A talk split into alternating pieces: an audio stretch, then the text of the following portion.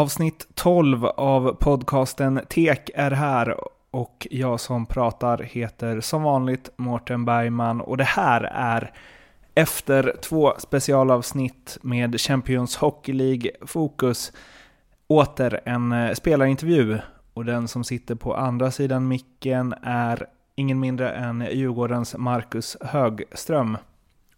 Det blir ett samtal om eh, hans dyrkan av eh, förre eh, backstjärnan Johan Åkerman, om att stå i Skellefteås klack, lathet och talang, livet i den ryska andra ligan och om att fuska på Djurgårdens träningar.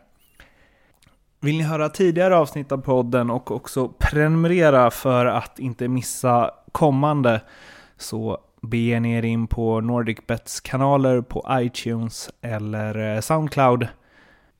Men nu tillbaka till den 5 januari i Stockholm. Marcus Högström. Mycket nöje.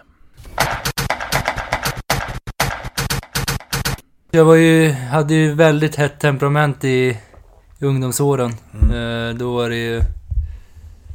Då fick jag, jag vet att pappa kom in och bar ut mig en gång när jag hade slängt handskarna och klubban på en match liksom. Och bara låg och gjorde snöänglar typ. Och grät så att... Aggressiva snöänglar. Ja. Eh, fick bäras ut liksom från isen. Men eh, det var väldigt länge sedan nu faktiskt. Hur gammal var du då? då? Ja, Det gör ju lite skillnad om du var liksom 8 eller 15. Nej, jag tror jag nog snarare 8, men jag var, hade dåligt temperament redan vid, eller vid 15-årsåldern också. Eh, du är uppväxt i Sveg. Ja. Eh, som en, eh, en stockholmare som jag fick googla på för att se var det ligger. Och det ligger ju, utan att vara storstadsdryg, liksom in the middle of nowhere. Ja, eh, vanligtvis så vet ganska många stockholmare vart det ligger för att man åker alltid igenom det när man ska till Vemdalen eller mm. på ja, skidåkning i Lofsdalen, Vemdalen, Björnrike, mm. Funäsdalen. Så att det är ju ofta många som vet om det. Eller som har, de har swishat förbi det så att säga. Men... Eh, eh, nej men jag bodde där tills jag var 15, 16. Eh, det var väl hockey jämt egentligen litet samhälle men... Eh, eh jag tycker att det var, för mig var det väl eh, toppen. Jag trivs hur bra som helst. Den tiden. Jag kunde åka ner till ishallen varje dag och det var bara att åka. Det finns hur mycket istid som helst och... Ja, det är inga problem på så sätt liksom. Det är grym utveckling och liksom finns hur mycket möjligheter som helst på det sättet. Hur många är det som bor där?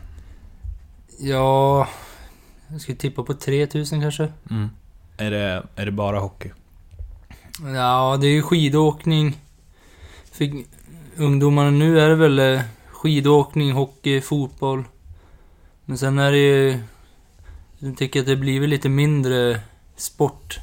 På, jag märker på lillebror och hans kompisar och det är mycket annat som hägrar liksom. Det är tek teknik och datorer och på det sättet. När du var 14, så debuterade du i, i Svegs A-lag i division 3. Uh, ehm, hur är det att liksom spela herrhockey vid 14 års ålder? Ja, nej men det var... jag var... Jag var väl 14 där första gången och jag hade ju börjat med att träna med A-laget ganska länge sådär. Uh, eh, väntade väl på att det var min tur att kliva upp eftersom A-laget är det ganska lite. Vi var säkert en 12-13 man varje träning så det var alltid de yngre som kunde få vara med och träna och jag var väl en av dem som stod next, näst på tur liksom. Och...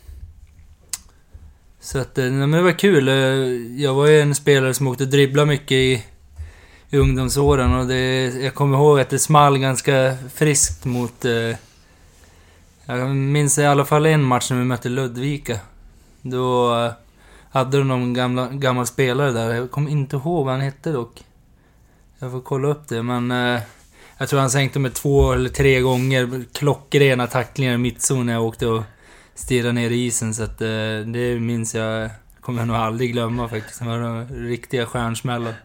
Var du, eh, spelade du forward då, eller var du bara Nej, en, en back. dribblande back? Dribblande back.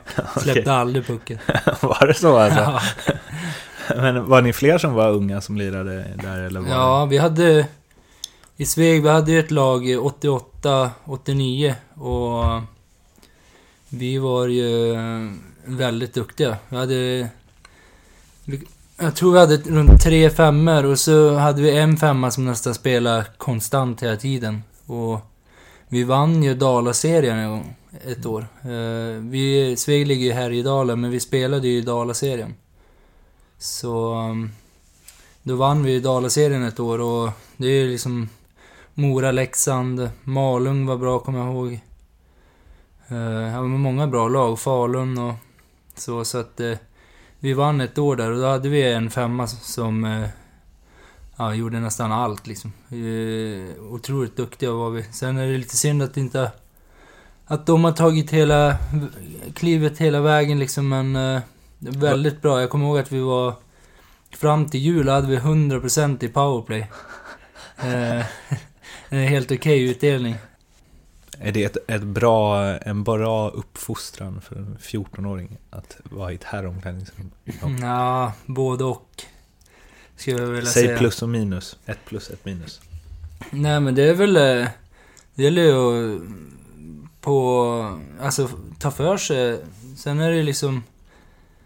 Ibland kanske man inte ska höra allting som man, när man är 14 liksom. Jag kommer ihåg en kväll så följde jag med tre stycken i A-laget och så skulle de åka köra bil på kvällen och sladda för det hade blivit isigt och snö liksom. Så hamnade vi i en snödriva vid klockan 12 ett på natten. Jag vet inte om morsan och farsan var så glada över det liksom.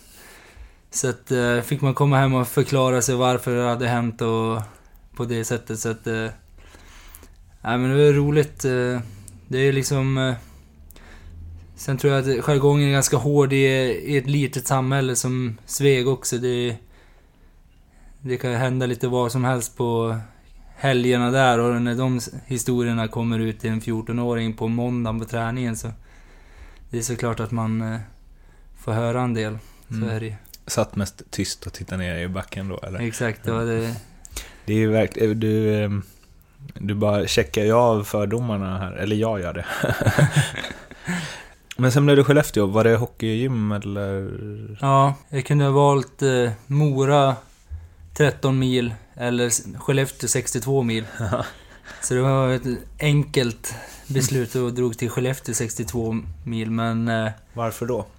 nej, men jag kände väl och mm, min familj och kände väl att Skellefteå hade någonting på gång. Eh, ja, man var väldigt proffsig. Jag väl märkte när vi var där att det var något annat liksom som var på gång och vi kände väl att eh, det skulle passa mig bra. Det var hård träning, eh, var ganska slö som 14-15-åring. Hade väl knappt rört en skivstång innan jag kom till Skellefteå liksom. Tung fysträning. Eh, det var ett rejält uppvaknande. Mm. Hade du levt på din talang? Ja, det hade jag ju verkligen gjort. Mm. Eh, sen... Eh, ja, men jag fick lära mig mycket träning och... Sen tycker jag väl inte, när jag ser tillbaka på det, att jag tog tillvara på den där heller. Så som jag borde ha gjort om jag hade... Om jag hade fått eh, göra om det. Med vetskapen om vad som händer när man tränar, så att... Eh, Var du lat? eh, ja, jag har varit väldigt lat när jag var mindre. Men... Eh, Nej, men eh, jag trivs väldigt bra där. Sen är det min familj var... Ja, farsan tyckte det var bra med hockeyn sådär. Morsan var väl inte lika glad att jag skulle flytta 62 mil sen, men... Mm. Eh, rent att växa upp och liksom ta hand om sig själv var det ju kanon. Eh, träffade många kompisar för livet där uppe och jag är ofta tillbaka där också i Skellefteå. Så att det, det, jag är väldigt glad att jag åkte dit. Det är ett av mina bättre beslut. F- Bodde du själv då, eller? Ja, bodde själv i en liten 30 kvadrat lägenhet. Eh, Hur var det? Som 15-åring? Nej men det var väl drömmen. eh, mm, det var ju hur bra som helst. Det vart en del fester där med hockeygymnasium och många roliga grejer som hände i den lägenheten. Eh, Sen... Eh, ja, det var väl både och. Kanske inte optimalt sådär för som jag sa, jag var lite lat och det blir som att man... Det är ingen som är och gnäller på när man är uppe sent på nätterna eller någonting. Utan det var både och. Men kul hade vi. Det var liksom inte så här... Som du sa, uppe sent på nätterna. Alltså, jag tänker att det också är så här... Eh, skötte inte kosten, eh, etc. Ja, nej men det blev ju på... Vi hade ju 200-300 meter till ishallen och mellan där låg en eh, Statoil Max. Så att eh, det blev väl några stopp där på Statoil-macken och lösviktsgodis liksom. Mm. Och halvfabrikat. Så att eh, nej, det var väl inte optimalt så liksom. Var det för att så här, informationen inte fanns? Jag tänker från så här eh, ledar och eh, hockeygymnasiehåll eller var det för att du inte lyssnade på informationen? Uh, nej, men det var väl för att man uh, var 16 år och trodde att man kunde allt fast man vet ingenting. Mm. Uh, så att man har väl haft en 25 stycken kostrådsgivare på med alla lag egentligen som har mm. sagt att det behöver du göra och det inte göra och... Mm. Så att, men nej, det är väl mest upp till en själv tycker jag. Mm. Och då ska jag ju berätta för er lyssnare också att eh, du, du är den första poddgästen som tar med dig fika i form av kanelbullar och dammsugare och biskvier. På tal om kostläggningen alltså. Exakt, jag är väl mer... Eh, förut då åt jag bara god fika och gjorde ingenting, men nu är det väl så att jag äter jag någonting gott så tränar jag väl lite extra istället. Ja. Det är väl bra mått tycker jag. Verkligen, man kan ju inte lägga ner livet bara för att man ska träna. Det året som eh, vi pratade om det innan, som du var i Skellefteå, det första där, så tog de efter eh, en, ja, oräknelig, oräkneliga bedrövelser eh, steget upp i högsta serien igen. Som det är väldigt klassiska lag de är. Vad minns du av det? Eh, jag minns det starkt. Vi var... På den tiden, 2000, vad var det, 2006. Mm. Då... Alla vi som gick hockeygymnasium var ju väldigt... Eh, alltså vi stod i klacken varje match och... Så var det ju på den tiden. Man... Eh, ja. Det var så vi gjorde. Vi kände ju väldigt starkt för A-laget och Skellefteå då. Vi var ju där och följde det med... Till punkt och pricka. Allt, liksom, så fort vi kunde se en A-lagsträning så var vi där och tittade och... Och eh, vi var ju, jag och en kille till i hockeygymnasiet åkte faktiskt i bussen ner till Karlskoga och såg när de gick upp. Och sen bussen hem hela vägen. Så att... Eh, såg dem fira på torget och sådär, så att det... Det är starkt eh, minne faktiskt. Kände man spelarna liksom, i A-laget? Eller hälsade Ja, det var lite kontakt sådär med någon genom lite vänner och familj och sådär. Men i övrigt, eh, nej, det gjorde vi väl inte. Kanske någon junior som var upp som man kände liksom mm. på så sätt, men inte, inte i övrigt. De, jag har för mig att de hade ju lite som eh, du beskrev att ni hade i ungdomslaget i Sveg, att de hade en riktigt bra kedja. Med Wernbloom, Söderberg och Värmland, Söderberg, Öberg. Öberg ja. Mm. ja. och sen Åkerman och någon till på backen. Ja, exakt. Eh, de var ju hur bra som helst. Mm. Eh, Åkerman är en av mina största idoler på... Eh, ja, på backsidan. Eller i, i övrigt också liksom. Mm. Han var ju... Han var ju den bästa som har någonsin spelat enligt mig. Men jag träffade faktiskt han nere i Karlskrona i, eh, i, ja vad blir det, i höstas. Mm. Någon av första matcherna där. Så sa jag det till en i mitt lag, Tellqvist, att ja, Åkerman, eh, han... Eh, det är den största idolen jag har. Så han frågade, ska jag be han komma ner? Så, nej, men jag tänkte, det var lite löjligt liksom så här. Men så träffade jag han och sen, ja, då satt det kvar lite pirriga minnen från förut och så vågar jag faktiskt inte gå fram riktigt. eh, så att eh, det var väl lite löjligt av mig men... Eh, nej, han var grym. Sen hade han ju Fredrik Lindgren som spelar i Skellefteå nu som backpartner. Eh, så att han mötte jag ju då och då. Han var ju... Han spelade ju femte länken där, var ju ganska grovjobbare medan de andra fyra var fantastiska på olika sätt. Mm. Söderberg var ju snabb och Öberg var ju center med grymt spelsinne och Wernbloom gjorde väl... Jag för mig om han gjorde 37 mål den, det året i Allsvenskan. Helt otroligt alltså. Men eh, Åkerman dribblade i mittzon. Åkerman var, äh, han var grym alltså. Det är ingen som slår han, ännu. Om eh, du hör det här Johan så kan du gå fram nästa gång. Eftersom eh, han här mitt emot inte vågar. Exakt, han får göra det. Ehm, hade du nå- fick du någon um, känsla redan då för... Alltså det kanske är lätt att säga i efterhand, men det som Skellefteå har blivit nu liksom. Som någonstans väl bottnar i otroligt bra ungdomsverksamhet, otroligt bra tränare, en mytomspunnen hård fys och så vidare. Såg du det komma? Ja, men det var väl det vi såg. Alltså, en- eller såg, men kände i alla fall att det, Skellefteå är på gång och kommer bli väldigt bra liksom. Och det har de ju verkligen blivit. Sen är det... Jag, triv, jag tror alla som har gått i hockeygymnasium där trivdes ju från första början och det handlar ju om att eh, ledarna som är där är väldigt bra liksom och man känner sig välkommen och det vet jag att alla som kommer dit upp, både juniorer och A-laget, trivs väldigt bra. Även om det är liksom inte den bästa stan direkt och det är lite kallt och det är väl ingen dröm, drömställe på så sätt men eh, alla trivs väldigt bra och eh, trivs med att spela hockey där. Hur eh, talangfull var du själv då? Jag tänker på du, J18s, eh, J18 allsvenskans, allsvenskan norra, alltså flesta sista backarna. Eh, men du var inte med, in, åren innan där, du var inte med i något TV-pucken eller något sånt va? Nej. TV-pucken gick ju för mig när, när jag skulle flytta upp till Skellefteå. Så var ju TV-pucken den sommaren. Och då, Mm. då kunde jag ju varit med i Jämtland här i dalen då. Mm. Eller så, ja, när jag flyttade upp till Skellefteå i Västerbotten så... Då, jag, jag fick inte vara med i Jämtland här idag eller om jag valde att inte vara med. Jag minns det inte riktigt. Men jag var inte med där och då...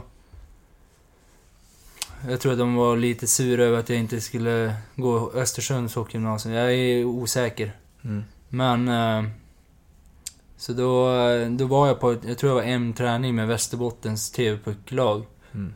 Och det var väl så gott som uttaget. Men... Eh, alltså, jag tror att eh, jag borde väl vara med rent... Eh, ja, konkurrensmässigt, det tycker jag. Sen... Eh, jag var väl, jag tycker att jag, jag var ju som sagt lat. Det var ju det som eh, förstörde några år i min karriär. Eh, det är det som jag har fått tag i igen, så att...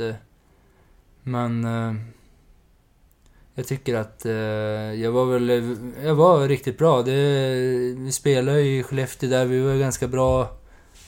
Men eh, jag tränade väl inte tillräckligt för att ta det sista steget. Jag var väl någon gång reserv till någon landslagsgrej sådär, men det var...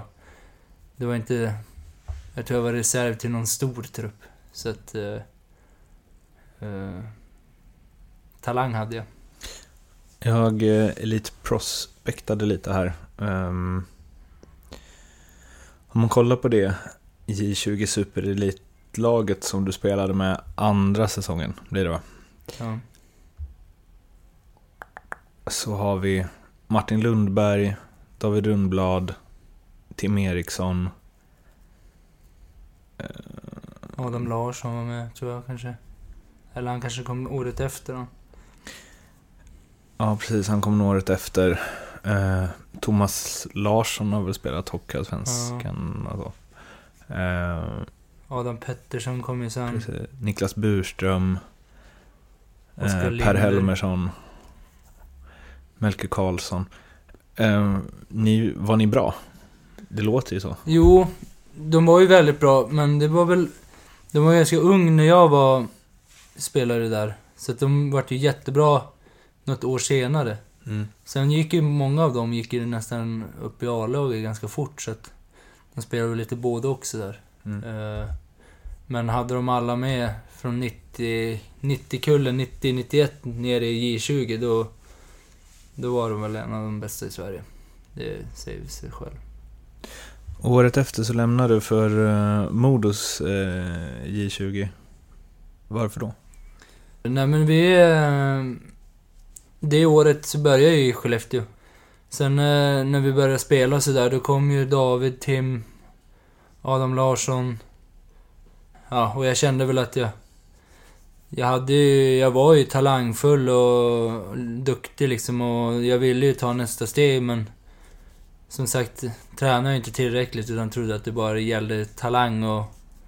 Så eh, då kände jag väl lite trängd där och jag vet att de... Det pratades mycket om de andra där och att de skulle satsa på dem riktigt. Så då tog jag ett beslut att åka till Modo och fortsätta där och gå i skolan sista två åren där. Sen... eh, Ja, det går ju alltid att fråga sig hur... Hur... eh, Om det var bra eller dåligt beslut, det vet jag inte. Om jag hade stannat vart jag hade hamnat då, men...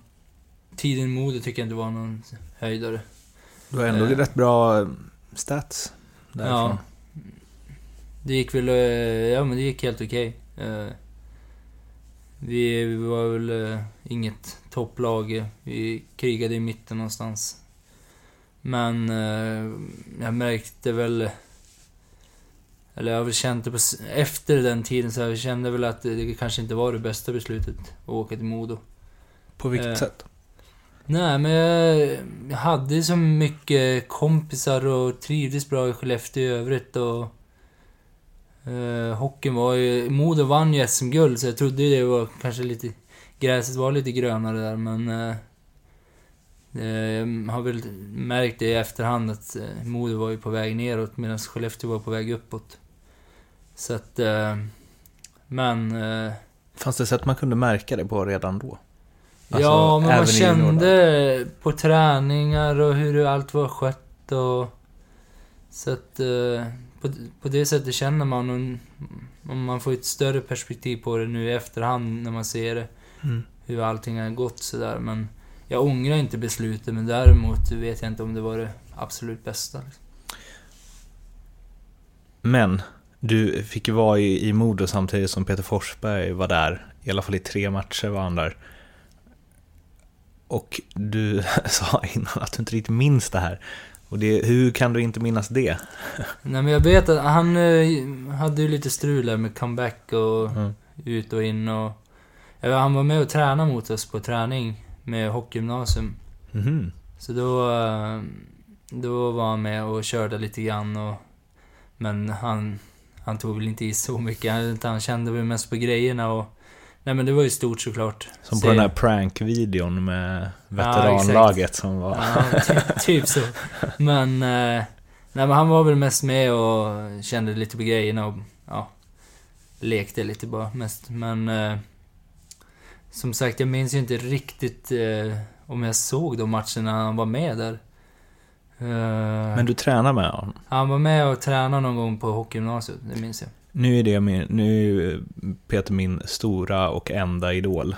Eh, alltså det måste, det måste varit superfett, eller? Jo, men det var det ju. Alltså...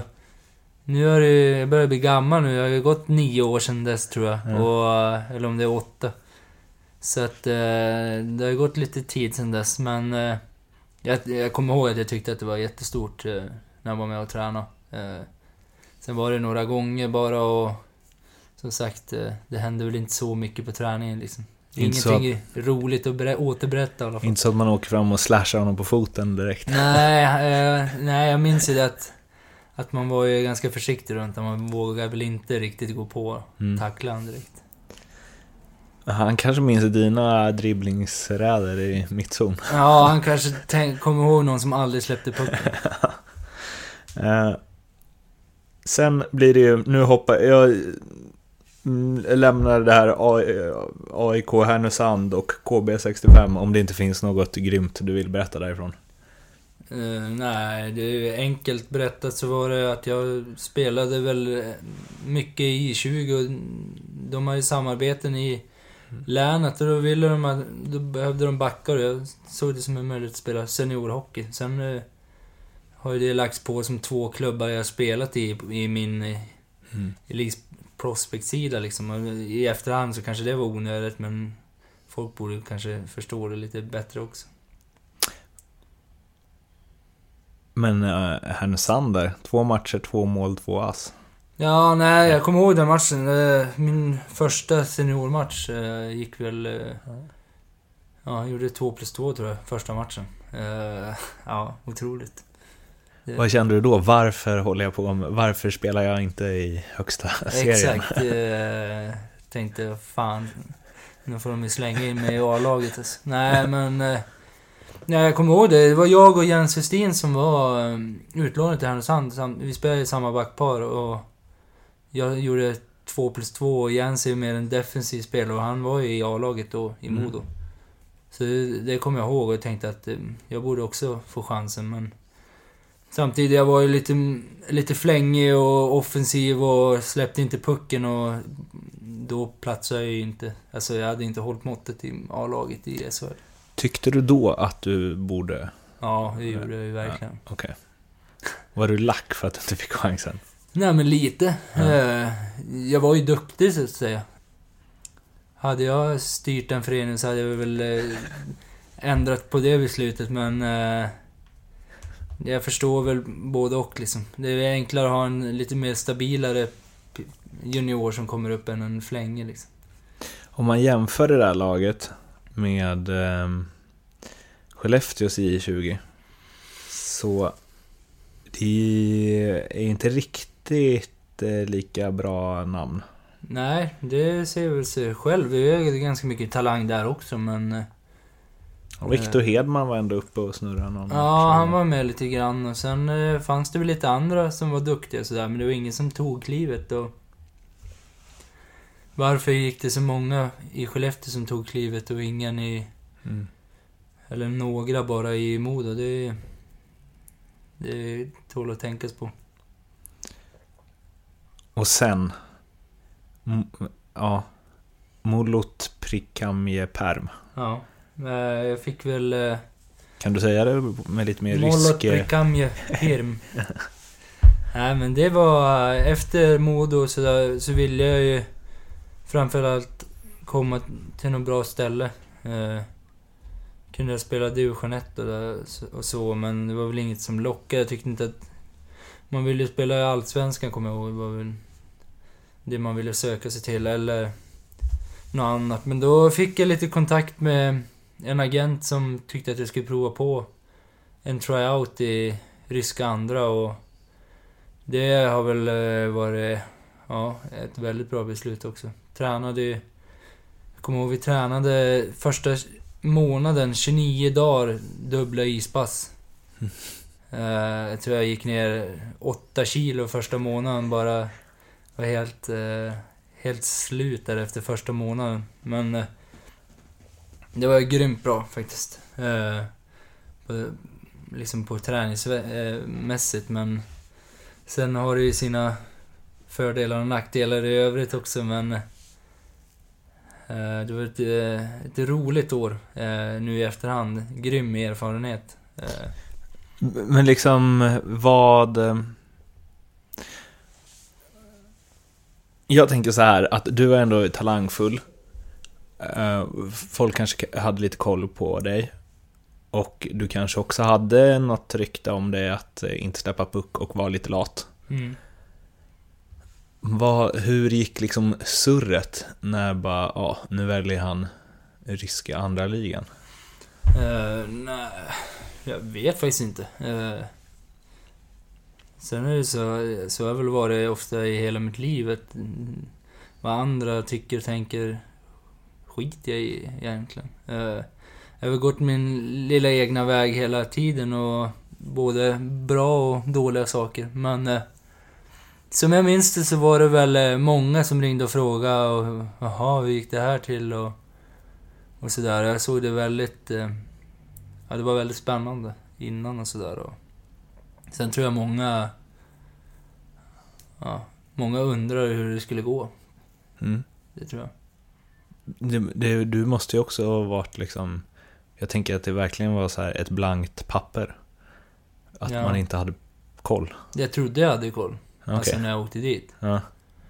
Eh, men det hade jag inte. Alltså, jag hade inte koll om någonting egentligen. Nej. Vad trodde du att du hade... eh, Exemplifiera. Vad trodde du Nej hade men koll jag på? trodde ju att jag hade kommit till en lit, eller lite mindre europeisk stad. Alltså, Ryssland, jag trodde väl var... Ja, alla sätt är tufft sådär, men det tro, jag trodde ju inte det var... Det var ju liksom något helt annat än vad jag hade tänkt liksom att det var. Mm. Eh, Vad var det? Ja men allt, all kultur, allt var ju annorlunda. Eh, liksom vi bodde, ja men första månaden då, då trodde man att man skulle få en lägenhet. Då bodde man ju på en militär, eller en gammal bas liksom. Som är, ja hur sliten som helst och var liksom knappt en TV, ingenting. fanns ju, internet fanns, alltså det var inte en möjlighet liksom. Och ja, så men det var ju både gott och ont när det gäller träningen, för vi tränade ju hela tiden. Så man kom ju till basen så la man ju sig ner med kläderna på och sov till nästa dag liksom. Alltså typ som lumpen. Typ. Fast jag har inte gått lumpen då, men jag Det vet låter väl ju så. ungefär så. Men... ja, första månaden då var det bara som en... Kastas in i en tvättmaskin liksom. Bara snurra runt, runt och sen kommer man ut och... Ja, fattar ju knappt någonting liksom. Men i mycket bättre shape. Ja, exakt. Och... eh, Nej, det är väldigt roliga eh, ja, minnen och personer som var där och... Men eh, det var tufft var det. Alltså... Det var det. Jag kommer ihåg att vi... Eh, det började ju tufft. Jag tog inte riktigt plats i början. Eh, fick vi kämpa på och sen när jag fick min chans där några matcher in i serien så... Så tog jag den. Och sen gick det ju bra nästan hela året. Eh, så det gick ju väldigt bra att träna mycket och... Sen var jag yngst i laget så hade jag alltid... Andretränaren, han var ju alltid på mig varenda dag. Och så åka skridskor efter varje träning, skjuta och... Han körde hur mycket extra träning som helst med mig. Jag var ju helt färdig, kommer jag ihåg. Jag försökte alltid smita när huvudtränaren blåste av riktiga träningar så försökte jag alltid så här skynda mig av isen. Då skrek han Sergej där. Och skrek liksom. Och så hade jag någon smeknamn som hette Marsenja. Ja. Det var någon sån här seriefigur som hade ett hårstrå upp för att jag hade haft någon frisyr där när håret stod åt alla håll. Så skrek han Marsenja, Marsenja blev. Och så fick jag bara vända ut på isen. Jag stod i båset liksom och försökte smita ut. Och så var det bara ut. Ut och kriga på på isen igen liksom. Alltså bara du? Ja. Okej. För att han såg någon form av utvecklingspotential eller? Ja, men det var väl att jag var yngst liksom. Ja. Sen... eh, Han, jag tror han gillade mig som spelare och sådär och... Att jag. Jag försökte tvätta bort lite av min... eh, att träna mer liksom. Mm. Och... Jag tror han såg att jag ville mycket. Men eh, jag tänker så här, språket. De Ja. snackar inte engelska, tränarna, eller? Ja, lite. Väldigt lite. Mm. Och lagkamraterna? Det var ju ganska många ryssar som hade varit och åkt över till AHL och provat, som var draftade. Så Mm. åker de över till AHL och spelar. Och... um, Så de kunde ju prata engelska. Sen många av ryssarna pratar ju engelska när de eh, blir lite... Eller när vi är på lagfester eller något sånt där. Då är det lättare för dem att snacka ut liksom. Mm. Men... eh, De är annars ganska blyg när det gäller engelska språket. Eh, Så att, eh, men eh, man lärde sig ganska mycket ryska sådär. Man förstod och kroppsspråket funkar ju mycket och... Så att det sitter väl kvar lite ryska ändå liksom. Ja, du kan snacka eller? Nej, alltså, mm, många små grejer. Eh, mycket svordomar sitter kvar. Du kan liksom trashtalka om du skulle möta... Ja, det skulle jag ju kunna göra. Ja. Sen om han säger någonting tillbaka, Så är det inte säkert att du förstår. det är jag inte säkert jag förstår. Men eh, det går ju ganska snabbt liksom. Ja. Men jag skulle väl kunna säga något fult liksom. ja. Okej, säg något fult på ryska. Ja, nu vet jag inte exakt vad det här betyder, men jag vet att det är fult. Det är väl eh, Suckablät eller Ajoella-blät eller... Alltså, nu kör vi bara. Ryska lagfester, hur är de? Uh, nej, men det är väl uh, all in liksom. Mm. Det är det. Sen är väl uh, lagfester här hemma är väl ganska All in. all in också. Det, det blir ju så. Vi tränar och spelar och är borta och... Ja, man har ju nästan aldrig helg liksom. Mm. Man kanske har match torsdag, träning fredag. Man är ganska trött, sover man. Så är man hemma på fredagskvällen. Bara Mm. tar det lugnt. Sen är det match lördag igen. Mm. Det är som en... Och så blir det då när det blir en ledig helg. Mm. Då ska man liksom försöka Maxa det. maxa och ha så kul som möjligt den helgen. Ja. Och därför blir det ganska hårt på det sättet. Men eh, det är väl såklart att det var, det var väl kanske lite mer Ännu lite mer tryck i, i Ryssland. Det var det väl. Men eh, Men du hängde med ändå liksom? ja, det, det gjorde man väl både och liksom. Men eh, Jag, jag har en teori. Att om två exakt lika bra lag, varav ett är svenskt och ett är ryskt, båda super till lika mycket, och så möts de på förmiddagen dagen efter, så kommer det ryska laget vinna lätt. ja, så är det absolut. Men Mm. så är det ju även... De har ju lite det, alltså den, de är ju mer van vid det. Alltså det, här dricker man ju inte dagen innan match. Det skulle ju aldrig hända egentligen. Och, men däremot, eh, amerikaner kan ju dricka liksom oftare sådär en kväll och ta några glas vin eller ja, dricka massa öl liksom. Och det vet jag av egen erfarenhet att eh, det biter inte alls på samma sätt som på oss. Man är inte van helt enkelt.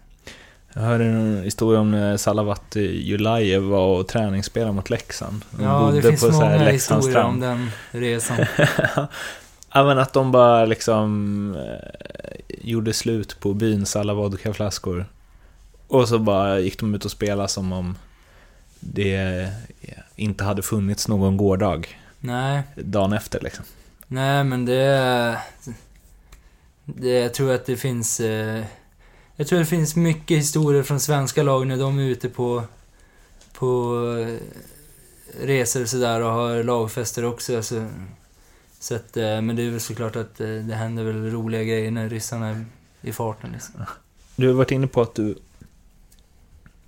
var väldigt lat.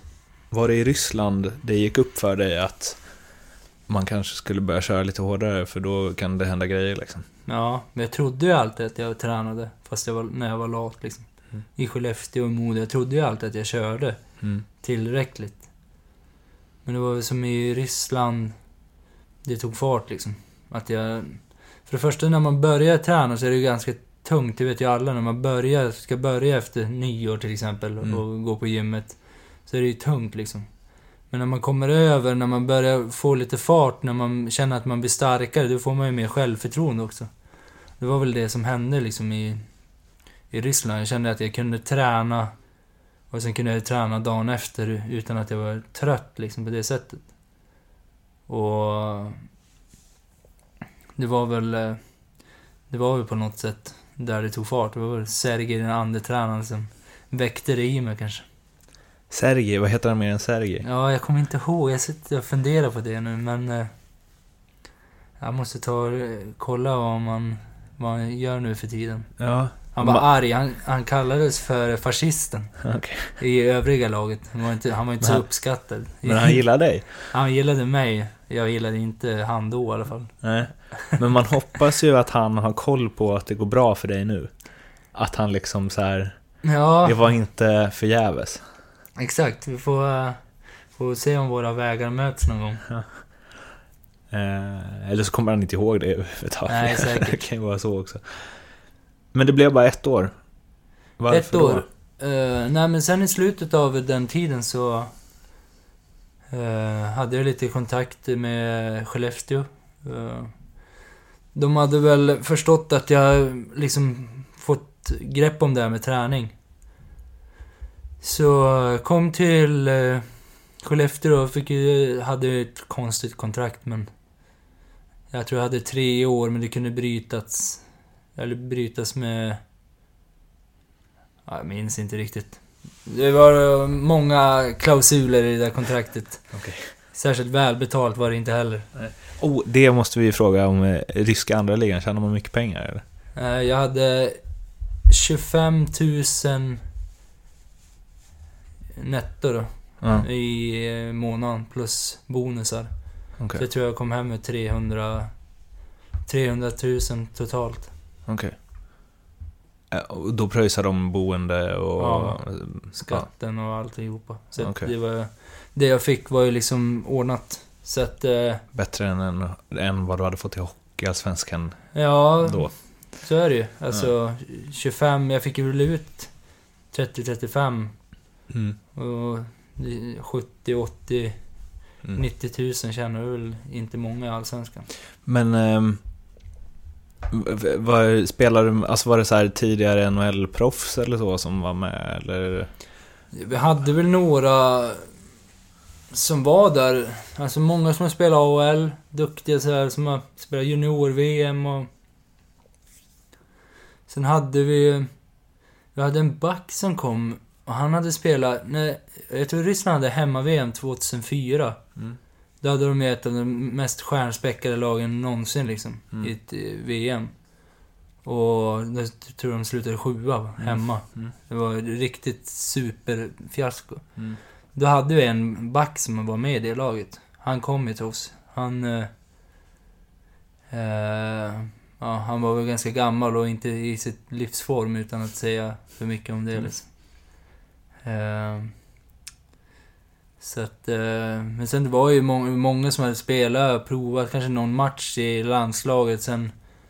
Ja, en snabb visit och sen några år i, i ryska ligan och sen ner i andra ligan liksom. Var ni stjärnor? Liksom? Vi hade runt 5000, 4-5000 på matcherna. Sen är det svårt att veta. Vi var väl ganska... Vi var ju svenskar så vi... De var ju... Blev du stoppad på stan? Nej... n- jag vet kanske någon gång sådär att de... Jag tror att de... Om de såg oss... Vi kände väl att någon gång så kanske det var någon som kände igen oss men eh, de kom ju aldrig fram liksom. Det är ju på grund av språket sådär så vågar de kanske inte riktigt komma fram och så men... Inte...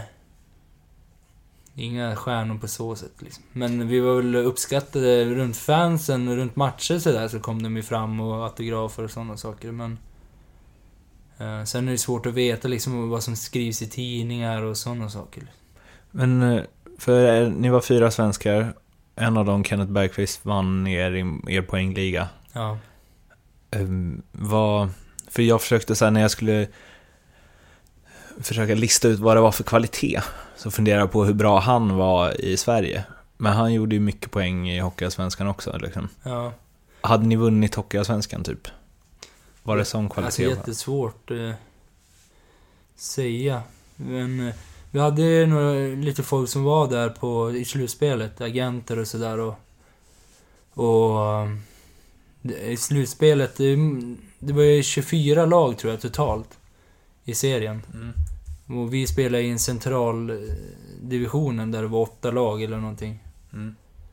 Jag tror att det var så. Och då... um, Då var det ju eh, lite blandad kvalitet. Alltså, sen när, när det gick mot slutspel och sista matchen inom serien, i serien, då... Då var det ju riktigt bra motstånd. Sen var det ju liksom farmarlag till K, KL-lagen. Och... Vi mötte, kommer jag ihåg, eh, eh Salavat Julajevs farmarlag. Eh, och sen mötte vi eh, Akbars Kazans farmarlag och de hade Kirill Petrov som spelade i KL och en supertalang då. Han var med och mötte oss, så att vi mötte grymma spelare ibland. Sen... Eh, svårt att säga, men vi, var, det var, vi hade ju varit bra allsvenskt lag. Det hade vi. Sen är det ju alltid skillnad på spel. Mm. Det var ju liksom full fart framåt och sen inte göra misstag bakåt liksom. Det känns som att din inte släppa puckhockey måste passat helt utmärkt. Jo, både och liksom. Men... Eh, eh, nej men jag, alltså, jag passade väl bra in. Mm. Det gjorde jag väl. Eh, det var ju en teknisk och fartfylld hockey och... och ja, många anfallsglada. Sen hade vi, som alla vet, är ju rysk hockey väldigt teknisk. Det är många som är otroligt duktiga. Mm. Och i andra ligan så är det ju många som är... Som är sjukt skickliga. Mm. Men inte har liksom... Kanske för, liksom förståelsen för spelet eller taktiken eller Mm. vägrar jobba hem liksom och... Jag kommer ihåg, vi hade ju en kille hela året, Safronov kommer jag ihåg. Han... Han var helt otroligt bra liksom. Ja. De få gånger han liksom tog i och skötte sig och inte slashade någon i ryggen liksom. Ja. Han var ju... Jag tyckte att han var hur bra som helst liksom. Stor, hade grym teknik. Men ibland så vägrade han ju liksom spela liksom. Det var ju... Ja, han sket ju fullständigt i att träna och så. Så det var många sådana liksom. eh, Många som hade en helt fantastisk talang och skicklighet men inte riktigt skallen eller ja, lite andra bekymmer utanför banan liksom. Kände ni mer än ryssarna där tror du? Ja, vi vet inte exakt. Eh, nu känner inte jag mer än... De andra svenskarna var ju mycket mer meriterade. Mm. De känner ju bra mycket mer än mig. Så att... Eh, jag vet faktiskt inte. Men jag tror att de- de... Andra svenskarna tjänade mest i laget, det tror jag faktiskt. Hur- Var det bra att eh, ni var fler svenskar? Ja, det var det eh, Det hade ju inte gått... Inte, jag vet, inte... Då hade det absolut inte gått själv liksom. Okej. Det hade det, vi hängde ihop hela tiden och... Det är liksom både på gott och ont men det... Det var väl svårt i början att ta oss in bland grabbarna liksom. Sen kanske vi försökte för lite också. Det blir att vi... Om vi är fyra eller fem då blir det vi som hänger ihop liksom. Mm. Så... eh, ja, det var både... Både grabbarna i laget som kanske inte ansträngde sig jämt heller och vi också som slöt oss, liksom vi svenskar också. Ja, vi hoppade ju liksom... Jag hoppade tillbaks till Ryssland där, lite oproffsigt intervjuat. Men eh, det blev en match i Skellefteå innan de eh, gjorde något med, eller nyttjade någon av alla klausuler eller? Ja, så jag tog inte plats i början där. Jag satt på bänken en match. Satt på läktaren några matcher. Eh, det var tuff kon- konkurrens. Eh. Sen, eh, då vart jag utlånad en månad till Sundsvall. Och gjorde väl 10 poäng på de första 10 matcherna. Och hade väl förhoppningen för att få en chans i alla fall. Eller i alla fall komma tillbaka och träna och försöka visa igen då att jag skulle få få en chans i laget. Men eh, så blev det inte. Utan jag fick fortsätta i Sundsvall det året. Det var väl eh, både bra och dåligt. Liksom. Eh, fick ju spela jättemycket och gick ju jättebra. Och, men eh, var väl, målet var väl att vara i Skellefteå. Sen eh, när eh, säsongen gick och eh, då Timrå hade lite problem så fick jag ju spela några matcher i Timrå i, i SHL det året. Så fick jag ju bra med förtroende och då när eh, mitt kontrakt gick ut där med Sundsvall eller om det var i Skellefteå, jag kommer inte ihåg riktigt vem jag hade riktigt. Men det blev i alla fall att jag kände ju inte så stort förtroende i Skellefteå. Med, med tränaren där, eh, Anders eh, Forsberg. Eh, jag kände väl att han kanske litade lite mer på andra och då tänkte jag att jag har ju Timrå här som jag får mycket förtroende och därför valde jag att gå dit och... Eh, ja, så är det. Och din första riktiga SHL-säsong kan man väl säga. Ja, det var ju Eller ja, en, eh, 30 matcher i alla fall. en mardröm, kan vi säga. Eh, beslutet att gå till Timrå är väl det sämsta jag har gjort i min karriär. Eh, det var eh, inte bra någonstans. Timrå var ju på väg i fritt fall. Ut ur SHL var ju bara en tidsfråga och... Och tränarna och ledningen som var där passade väl inte ett dugg ihop med mig. Med den spelstil jag hade eller i det läget jag var i karriären. Eh, Så att det, det var ju en eh, riktigt dålig kombo faktiskt. Vem tränade? Vi hade Per-Erik Jonsson och eh, Kent Norberg var ju tränare. Sen Klabbe som är från Karlstad. Var väl eh, tredje tränare, eller andra tränare.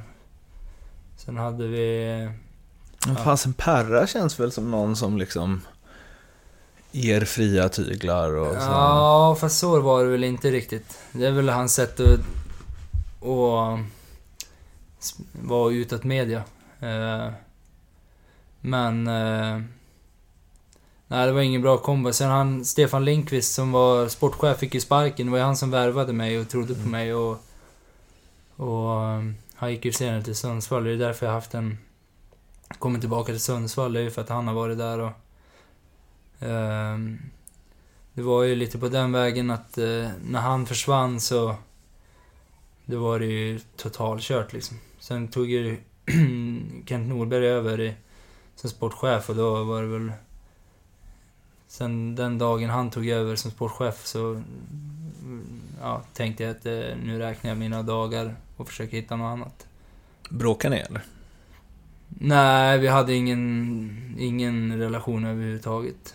Eh, så att... eh, Men eh, hur, vad, hur funkar sånt där? Jag menar, bara för att de tycker att du, eh, att de inte gillar dig som hockeyspelare. Det måste ju vara något mer. Ja, men det var ju på, alltså... Jag, i Timrå så... Vi hade ju tufft. Vi har eh, eh, inget höjdarlag på pappret. Ingen höjdartaktik för det laget vi hade heller. Eh, och jag eh, som en offensiv back hade gjort ett fantastiskt bra år i Sundsvall. Eh, borde väl... Eh, Borde ha fått lite mer direktiv än att inte göra misstag var väl eh, liksom direktivet från deras sida. Och hur eller jag skulle göra eller... Det var ju aldrig liksom på deras eh, bord liksom. Nej. Eh, utan det var bara att inte gör så, inte gör så. Mm. Och jag svarade väl med att liksom... Ja, det här är ju rätt, det jag gör. Alltså... Och jag vart väl ganska utfryst ganska omgående, minns jag. Alltså... Sen är det ju... Det är synd att det blev så, men... Eh, jag tycker att det har visat sig vem som hade rätt och vem som hade fel. Hur menar du då? Ja, jag är där jag är och de är där de är. Men det var lugnt med lagkamrater och så liksom. Ja, det var det väl. Alltså jag Eh, tänker utfryst. Det var bara... Ja, nej. från tränarhåll. Nej, jag trivs inte så jättebra i Timrå organis- organisation. Överhuvudtaget blev det en ganska svart tid i mitt liv, men... Nej, det var väl mest ur, från tränarhåll. Hur höll du uppe det då? Alltså, Nej, jag höll väl inte uppe. Alltså, Nej. det var många svarta dagar i mitt liv. Deppiga. Eh, lite depression, så att säga. mm. Eh, så att... Eh, nej, det var inget kul alls. Det var väl det som gjorde jag hade förhoppningen att ta nästa kliv och kände att jag hade haft en fantastisk säsong- i Sundsvall och, och sen bara raserade allt i princip. Mm. Eh, Tappade du glöden för liksom att träna och hela... ja, det är väl liksom hela biten. Mm. Alltså från... Alltså jag bytte ju klubb där till Malmö. Då Mm. tog jag ju eget initiativ att nu är det dags att lämna liksom. Och Mm. då eh, fick jag komma till Malmö. Eh, som sagt, det är en ganska turbulent tid i, i Malmös eh, historia så att säga. Men eh, som eh, i laget sådär, då fokuserar man ju mest på att spela matcher och vinna och Sen var ju inte jag med hela vägen, så jag kanske inte är rätt man att fråga men på, från mitt sätt så var ju liksom inte det var inte så himla turbulent i omklädningsrummet så liksom. Det var inte det. Det tänker man ju att det var. Ja, Bara Linus tycker- Klasen tjänar 300 000 och sen så var det några gamla slovakiska landslagsspelare som liksom inte gjorde några poäng överhuvudtaget och det kändes som att alla var där för pengarna. Ja, nej men det kanske var så. Jag vet, Det är som sagt, det får nog säkert olika historier från vem du frågar. Men jag upplevde det som ett gott gäng. Liksom. Mm. Eh, många roliga figurer. Eh, Hade ni bra lagsammanhållning? eh, svårt att fråga också eftersom jag... Jag kanske inte är den bästa, men det var ju verkligen inte en, en dålig stämning. Liksom. Det finns ju bra, Ja. bra och dålig stämning liksom. Jag, jag upplever den inte som dålig. De som, är- som Dragan och Linus och de här, de är ju riktigt otroligt roliga liksom. Mm. Så att... Och... Så jag upplever det som en ganska rolig tid. Rent bara i omklädningsrummet och så. Sen spelade jag varken min bästa eller sämsta hockey. Det gick väl... Ja, okej. Det känns som att du hade kunnat i och för sig hamna var som helst och tyckte att det var lajbans jämfört med Timrå. Ja, det är väl så. Jag var ju Ja. mest glad för att slippa eländet Ja. i Timrå liksom. Du har ju liksom Timrå, Sundsvall, Malmö, Asplöven, Sundsvall. Och sen hamnar du i Almtuna. Um, alltså under, du, liksom att det var jobbigt i Timrå, men sen så var det ju liksom, ja det var ju nästan 30 matcher till den säsongen fördelat på, eller du var på lån till Sundsvall från Timrå va? Ja. Uh, och sen Asplöven, sju matcher, Sundsvall i division 1. Uh, eh, var liksom, vad var din karriär på väg här? Det känns som det var väldigt hoppigt.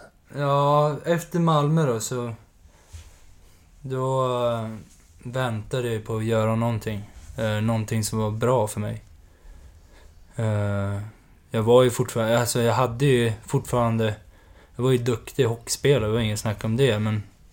Jag fick inget... Jag hade ju kanske sex sju allsvenska klubbar som ville ha mig det året. Och...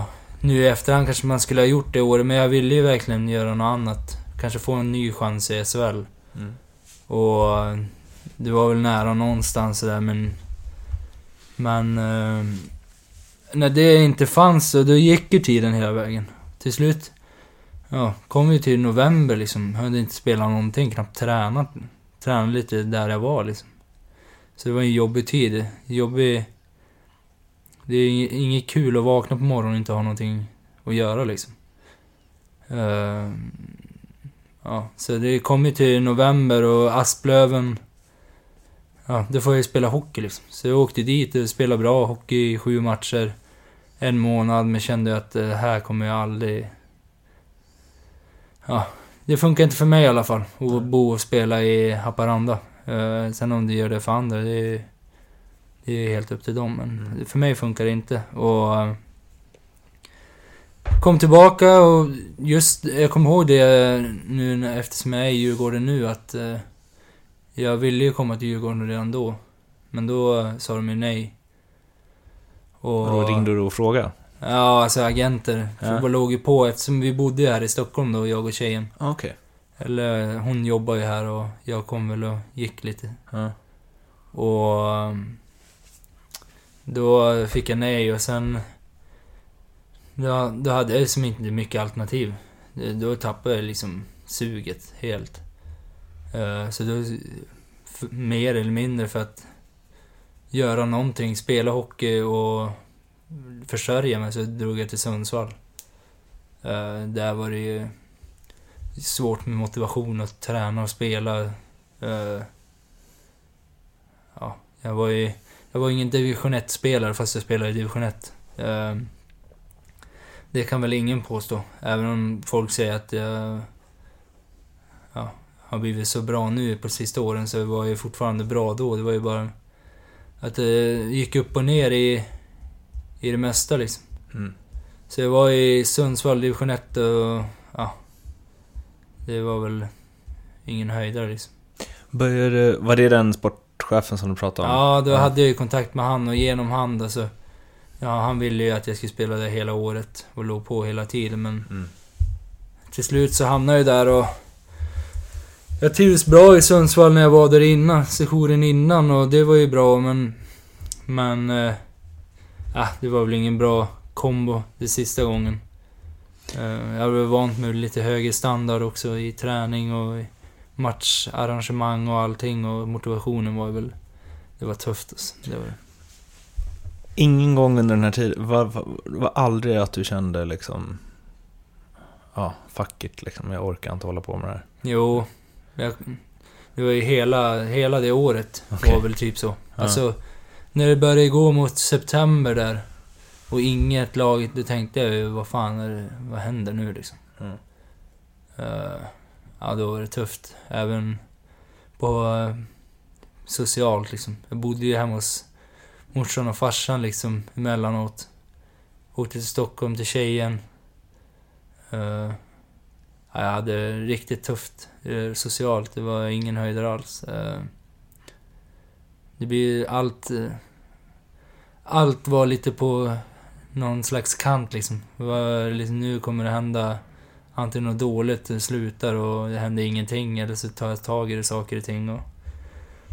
Så blev det väl. Jag hade... Efter säsongen i Sundsvall, då tänkte jag... Ja, då började jag kolla på plugg liksom. Mm. Eh, Jag tänkte väl... eh, Nu får jag ta och göra något annat. Så att då gjorde en massa tester vad, vad jag ville bli och allting och... Det mynnade väl ut i ingenting egentligen. Sen ringde Almtuna ganska tidigt. Och gav möjligheten då att få en bra roll, spela den positionen som passar mig. Och samtidigt kunna bo i Stockholm och pendla. Med en annan kille som bor i Stockholm. Och då... Då kände jag att det, det här är någonting. För då, han som var sportchef då hade jag haft som andetränare i Sundsvall första året. Björn Danielsson. Gamla Brynäs-spelaren, AIK-spelaren. Och han hade jag ju förtroende för. vad Jag, jag visste att han visste vad jag gick för. Men var det en blixt från klar himmel att de ringde liksom? Nej, det var det väl inte. Jag var väl fortfarande ganska... Jag hade ju ändå varit grymt bra i Allsvenskan. Mm. Speciellt med Sundsvall liksom. Och folk visste ju att jag kunde vara riktigt bra. Och Mm. sen var jag inte dålig i Sundsvall heller i division 1. Jag gjorde väl, när jag hade några bra dagar, lite som jag ville men... Mm. Men... Eh, jag kände väl att det där var någonting som lockade. Här fanns det en chans liksom. Mm. Och då bestämde jag mig nu... Nu gör jag det här ett sista försöket. Det här är... Nu måste jag liksom eh, träna stenhårt. Och sen eh, kunna säga att efter den här sessionen i Almtuna att nu har jag gjort allt. Det funkar inte. Eller att det funkar liksom. Mm. Och... eh, Så... Där... eh, I Almtuna gick det ju bra. Eh, spelar ju inte ett så topplag direkt, utan... Men gjorde väl 27 poäng på 42 matcher eller någonting. 45 matcher. Och... 47. 47. Mm. Och det bra statistik på så sätt. Jag gjorde en bra säsong. eh, Bra defensiv säsong. eh, Så att det det var jättebra. Och sen... eh, Då fick jag mycket självförtroende. Kände att jag, jag var tillbaka igen på den nivån och liksom... Ja, kände att nu är jag lite stabilare runt om isen och inte lika tråkigt som det har varit förut liksom. Mm. Och... Då var det ju det här uh, OS-året, då var det ju utökat transferfönster. Så då... um, Då uh, åkte jag till... um, Ja, till Djurgården där vid 10-15 februari eller vad det var. Och uh, hade några andra lag som var intresserade så, men jag kände ju att eftersom jag stressade med allting innan så kände jag att, att jag kunde skriva två och ett halvt år med Djurgården oavsett.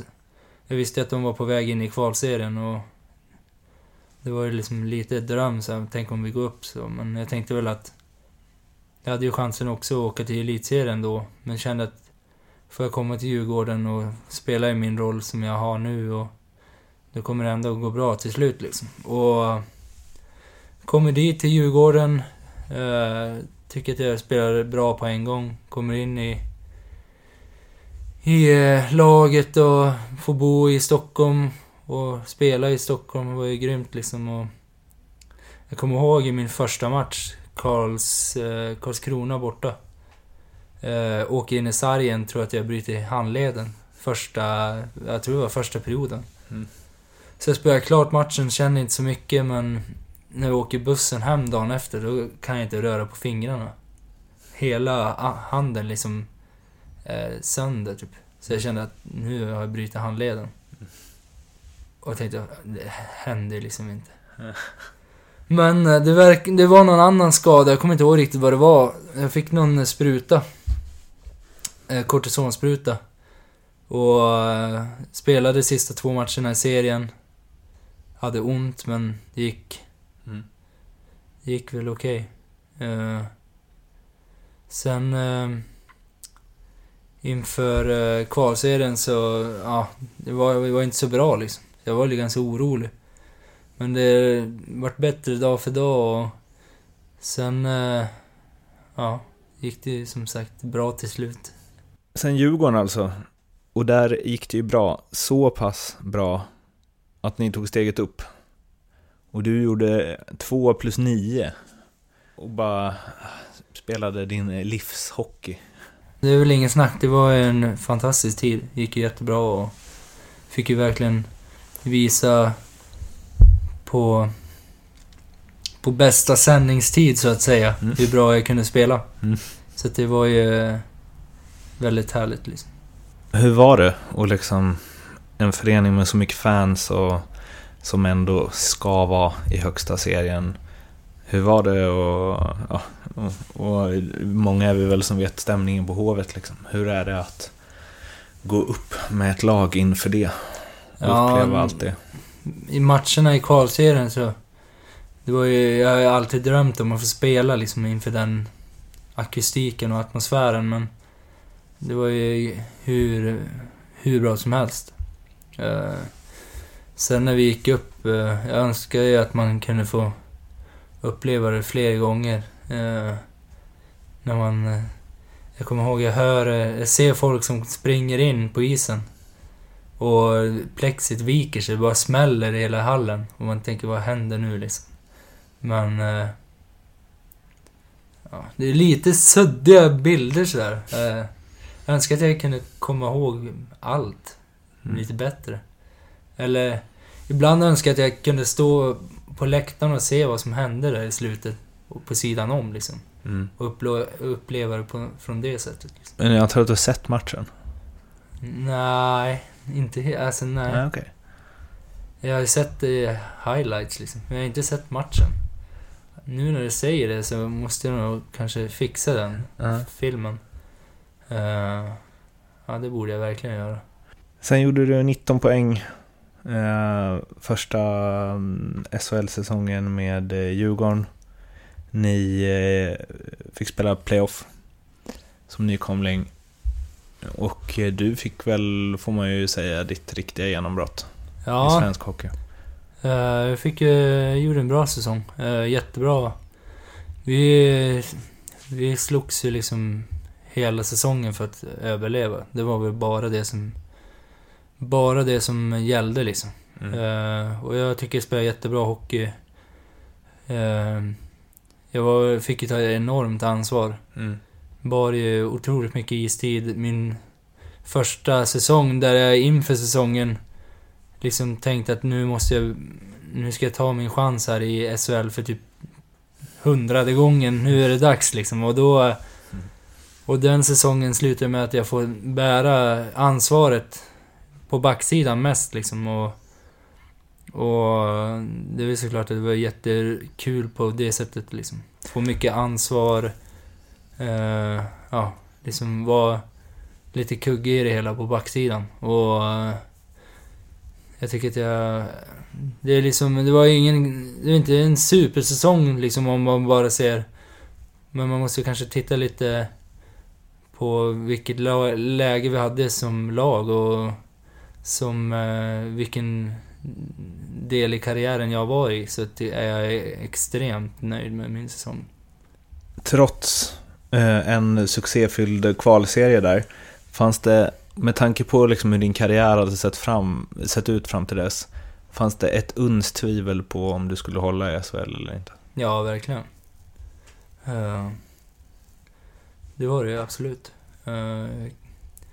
Men jag har ju krigat enormt från, ja, Almtuna och Djurgårdstiden hela tiden för att bevisa att jag har det som krävs. Och det är såklart att jag var nervös och sådär inför säsongen förra året. Men jag kände mig ganska... Trots ganska få eh, SHL-matcher kände jag mig ganska rutinerad på något sätt inför den säsongen. Jag kände mig ganska lugn. När, när, hur fort kände du att det här är lugnt? Jag fixar det här. Hur många matcher in, liksom? Nej, men Eller jag första jag kände det ganska direkt sådär. Mm. Jag tyckte att jag kände att... Ja, det här kommer gå bra liksom. Jag kommer fortsätta kriga och kämpa på träningarna och, och känner jag att jag håller måttet där, då vet jag att jag håller i, i ligan också. Årets säsong. Du har med 28 matcher spelade har du tre poäng för att tangera förra årets poängskörd. Var är din karriär på väg? Ja, men... Eh, som det har varit nu i höst eh, och hela sommaren så har jag fokuserat bara på en sak och det är att träna så hårt det bara går. Jag har gjort en eh, stark sommar och det syns ju på isen också att jag har tagit steg till. Eh, så att jag känner mig väldigt pigg och fräsch och i och med att det började bra så har jag väl bara tänkt att nu ska jag spela min bästa hockey hela, hela året och sen får vi se. Eh, jag trivs ju bra i Djurgården och sådär och det vet ju de om också så att... Sen är det ju så att eh, mitt mål är ju att spela i högsta möjliga liga. Och vart det är, det får vi väl se då men... Mitt mål är att ta mig så långt det bara går. Och jag trivs jättebra i Djurgården men mitt mål är att komma ännu längre. Drömmer du om NHL? Eh, ja, men det gör jag väl lite grann. Jag vet att det är möjligt. Eh, jag ser vilka som har åkt över senaste åren och eh, har sett lite grann sådär på hockeyn. Kollat lite mer och jag vet väl att eh, det kan väl hända att folk är och tittar ibland och och eh, såklart jag drömmer väl lite om det, det gör. Det är, det är liksom det största man kan göra och sen om det blir så för mig, ja då kommer jag ge allt för att ta den chansen. Du är inte draftad, men finns det någon kontakt? Eh, nej, inte draftad och sen kontakt, eh, som jag sa, det, jag vet att det har varit folk och kollat. Sen eh, får vi se då om det slutar i något annat. Sen är jag 26 år nu och jag är varken gammal eller ung. Mm. Jag är precis kom in i, i toppen här i SHL och, och jag har många år kvar. Även om kanske Micke Tellqvist, min målvakt, säger att jag har så många år kvar när han garvar åt mig när det är tufft i gymmet och sådär. Mm. Och jag vet att han är inne på slutkampen här så... Mm.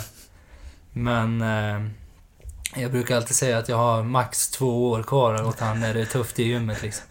Han garvar han och säger att jag har tio år kvar så att... Eh, men... Eh, vi får väl se hur lång karriären blir men... Eh, jag siktar i alla fall på att ta några steg till. Men du närmar dig någonstans här där du ska vara i din prime. Alltså 28, typ maximerad fysik kontra rutin. Vi får väl se när man är som bäst. Sydinarna verkar ju vara Ja. grymt bra just nu och de är väl...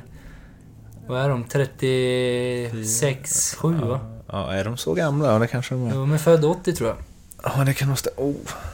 Så att... Eh, de spelar ju fantastisk ishockey som 36-åringar och jag har 10 år kvar tills dess så att... Det finns många roliga år kvar hoppas jag. Ryssland igen, hade du kunnat tänka dig det? Ja, det hade jag. Mm. Eh, KL är en bra liga och eh, bra kontrakt. Eh, Mm. Det är väl ingenting man... Alltså det är ingen hemlighet så, utan eh, det är väl absolut eh, en möjlighet. Sen, eh, ja vi får väl se helt enkelt. Jag vet faktiskt inte så mycket. Som jag sa, eh, mitt fokus att spela så bra som möjligt och försöka komma så långt det bara går med Djurgården denna säsong. Jag tänkte vi skulle prata lite om ditt temperament och då knyta an till, eh, ja det kanske är den första, ja i alla fall en av de första videorna som kommer när man youtubar ditt namn. Det är du och eh, Jackie Blomqvist i Leksand under tiden du spelar i Malmö. Ja, Ni hakar i varann kan man säga utanför spelet vid ena båset. Och det slutar med att eh, du boxas med eh, Johan Svedberg också som står i båset. Och eh, Jean-Luc Grandpierre kommer flygande från ingenstans ja. efter ett tag. Eh, du har, eh, ja, det, det har varit en, beskriv ditt temperament, eh, utvecklingen. Nej men det var väl eh, mitt temperament eh, när jag var mindre var ju eh, en sjuk berg och dalbana ska jag säga. Mm. Upp och ner. Eh, från dag till dag, sekund till sekund. Eh, direkt det inte gick liksom bra på isen, då var det ju fruktansvärt liksom. Jag spelade golf när jag var mindre och var helt galen liksom. Så himla dålig sport att vara Ja, aggressiv i. Så att... Eh, Uh, nej men det... Det gick väl upp så till jag var 16 kanske. Och sen har det där liksom bara försvunnit på något sätt. Sen är jag... Alltså dåligt temperament. Sen är jag en ruggigt dålig förlorare. Fortfarande. Eh, grinig liksom. När, jag är väl en av de mest griniga när vi tävlar eller någonting på, på träningar och sånt. Och, eller på sommarträning, spela innebandy och sådana saker. Då är jag absolut en av de som är i hetluften liksom. Och det är väl någon, någonting som kommer fram när det är tävling liksom. När det är... När det ska vinnas någonting eller något på så sätt. Sen är jag ganska... Men går det att lira kort med dig liksom? Jo, men där tycker jag inte det är så... Det är liksom, finns inte så mycket att vinna där för mig. Nej. Alltså, jag vet att det är många som är eh, vinnarskallar på det sättet. Mm. Är det ju liksom oftast överallt. Mm. Men jag är liksom, det, på mig slår det nog mest in liksom när det är någonting som jag tycker handlar om mig i tävling liksom. I hockeyn framförallt och liksom. Och det kan alltså vara också innebandyträning? Ja, Okej. på träningar och så. Och då... eh, eh, ja men till exempel vi spelar innebandy och det är äldre mot yngre. Ja, okej. Mm. Och då... Ja men då är det ju krig alltså. Mm. Det är det ju verkligen. Så att, eh, kommer ihåg i somras så sparkade jag rakt in i en sån här innebandysarg. Mm. Men foten gick ju rakt igenom hela sargen så jag hade sargen fast på benet liksom. Fick sparka av mig. Så att... Eh, ja, det är tufft. Sen var jag yngre, det blir bara bättre och bättre. Det var länge som man spelade innebandy så man har ganska kämpigt att hänga på där. Eh, Hur tar sig liksom... Är det det värsta du har gjort? På grund av temperamentet? Nej, det finns nog många dumma saker man har gjort på temperament sådär men det är väl det jag kommer ihåg som närmst liksom. Mm. Sen är jag alltid... Man är ju alltid lite sårbar så när vi har långa landslagsuppehåll och man eh, är trött och säcken kör varv på varv på varv och man börjar, li, börjar bli lite less liksom. Ja. Då kan det ju vara att man blir lite grinig. Mm. Som... Eh, ja, jag var lite grinig här för någon vecka sedan. Vi hade skridskoträning hela veckan och till slut så ledsnade jag lite. Och... Så körde vi liksom långa varv och så hade vi fyra däck ute. Och så varje gång vi svängde runt de där däcken så flyttade jag in däcken lite grann. Så det vart ju kortare att åka hela tiden. Det kom latheten tillbaka. Men då... Smartheten? Ja, det också framförallt. Och då, varje gång jag gjorde det så ja, vart det ju mindre att åka liksom. Och då um, satt ju våran, eh, en av våra sportchefer på läktaren, Thomas Johansson. Och vart lite förbannad. Så satt, kom han in i omklädningsrummet efter och skrev upp att jag hade 500 kronor i böter. Och sa att jag skulle sluta fuska. Och då, eh, när han sa det och skrev upp det på tavlan så bytte jag om och drog hem efter 30 sekunder typ. Och var helt eh, skogstokig liksom. Så att... Eh, det händer lite saker då och då. Har ni pratat ut? Han eh, nämnde... Vi hade julfest och då nämnde han det i samband med en uppträdande. Ja, okej. Inför allihopa. Ja. Så att, på så sätt har vi pratat ut. Men, Han har pratat ut. ja, exakt. Men eh, jag skulle vilja säga att jag har eh, planer på att ge igen. Okej, Jag fortsättning hoppas att han lyssnar. Vi ser vad, han, vad vi hittar på. Se- Se dig över axeln, Ja. Thomas. Vi, vi snackade om det lite förut när jag bytte batterier här. Att eh, din lillebrorsa sitter ju och har tråkigt i köket här nästväggs. Eh, och att han är en kanske större hockeytalang än vad du är. Och, eh, men också att han kanske ärvt eh, lite av latheten. Temperamentet då? Jo då, han har lite temperament. Nej, men han är talangfull. Sen är det ju alltid svårt så här med i Sveg. Det är inte så många ungdomar som spelar. Det är mindre än när jag var och det var ganska lite när jag var där också, i den Mm. åldern. Så att det är tufft på så sätt. Men han är duktig. Sen får vi se. Det är inte...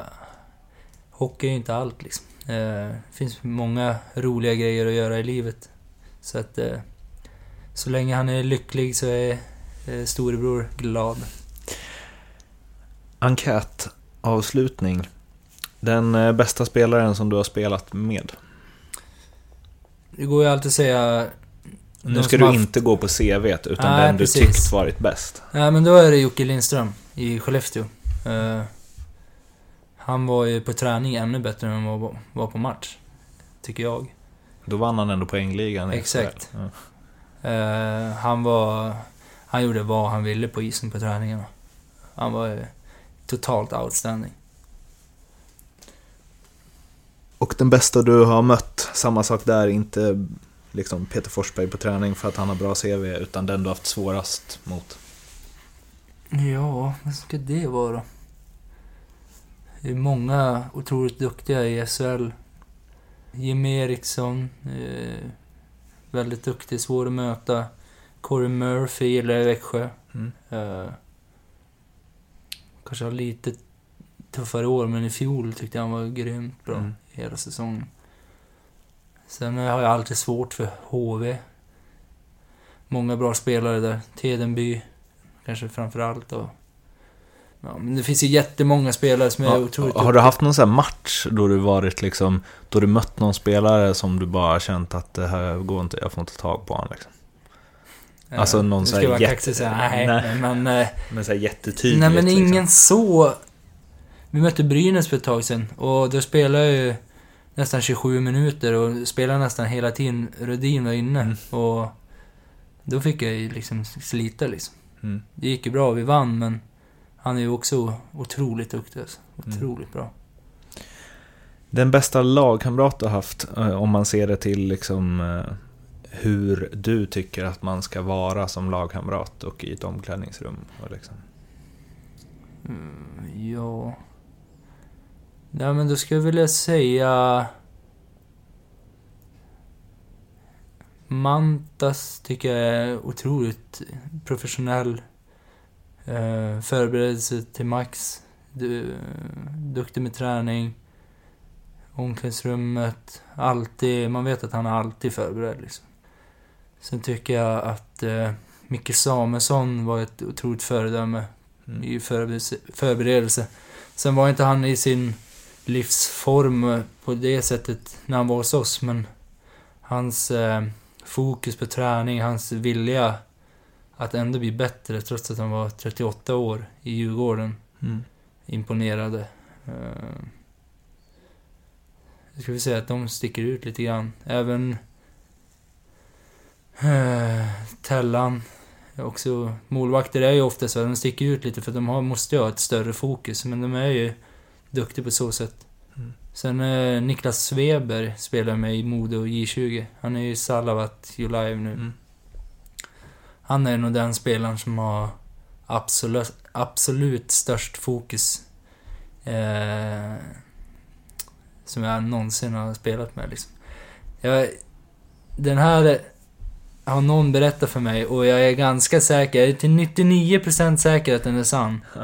För jag vet att, men jag vet inte om han skulle säga att det är så. Nej. Men jag vet att Niklas Sveber spelade inte Xbox i, eller i Modo. Och Brynäs för att eh, han blev stel i handlederna under vintern. Så nu kunde han inte plocka och greja med på isen. Så att, eh, jag hoppas han eh, kan bekräfta det här. Jag tror inte han kommer göra det, men jag vet att den är sann. okay. Nu vill man ju ha honom till den här podden endast för en fråga. Eh, ja, det är ändå höjden av eh, seriositet. Mm. Eh, hur mycket tjänar du? Jag tjänar under 100 000. Tjänar du det bästa du någonsin tjänat i din karriär? Ja.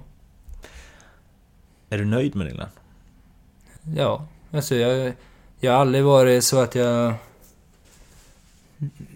Alltså behövt extremt mycket pengar. Sen är det alltid... Jag trivs ju enormt med att kunna i princip varje dag kunna äta vad jag vill. Gå på bio vilken dag jag vill. Uh,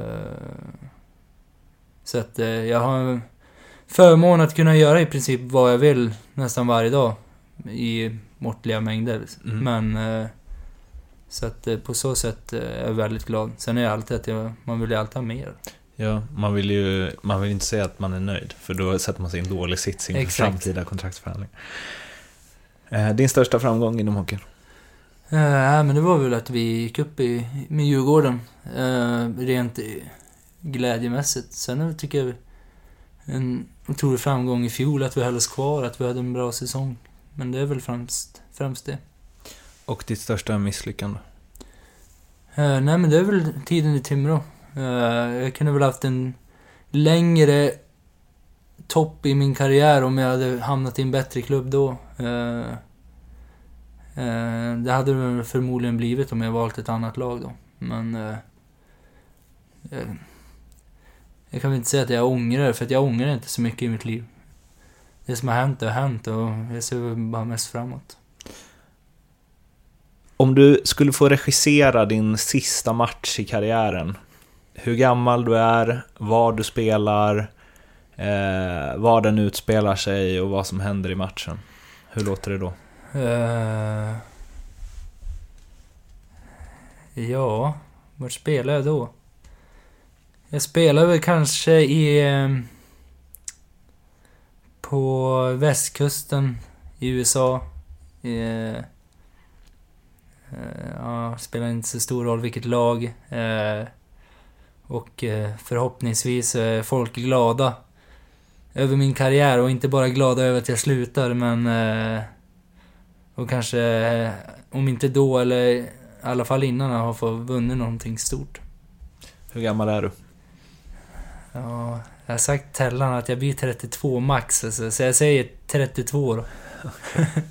Avgör en Stanley Cup-final. 32 bast. Sluta, sluta lite för tidigt så att Men det ändå toppen. blir bass ja. runt det liksom. Ja, fattar. Och slutligen, vem skulle du vilja höra i den här podcasten? Jag säger Niklas Weber. Jag ser fram emot att få höra din historia när du har tagit dig till, bort till UFA och mm. pratat med han där.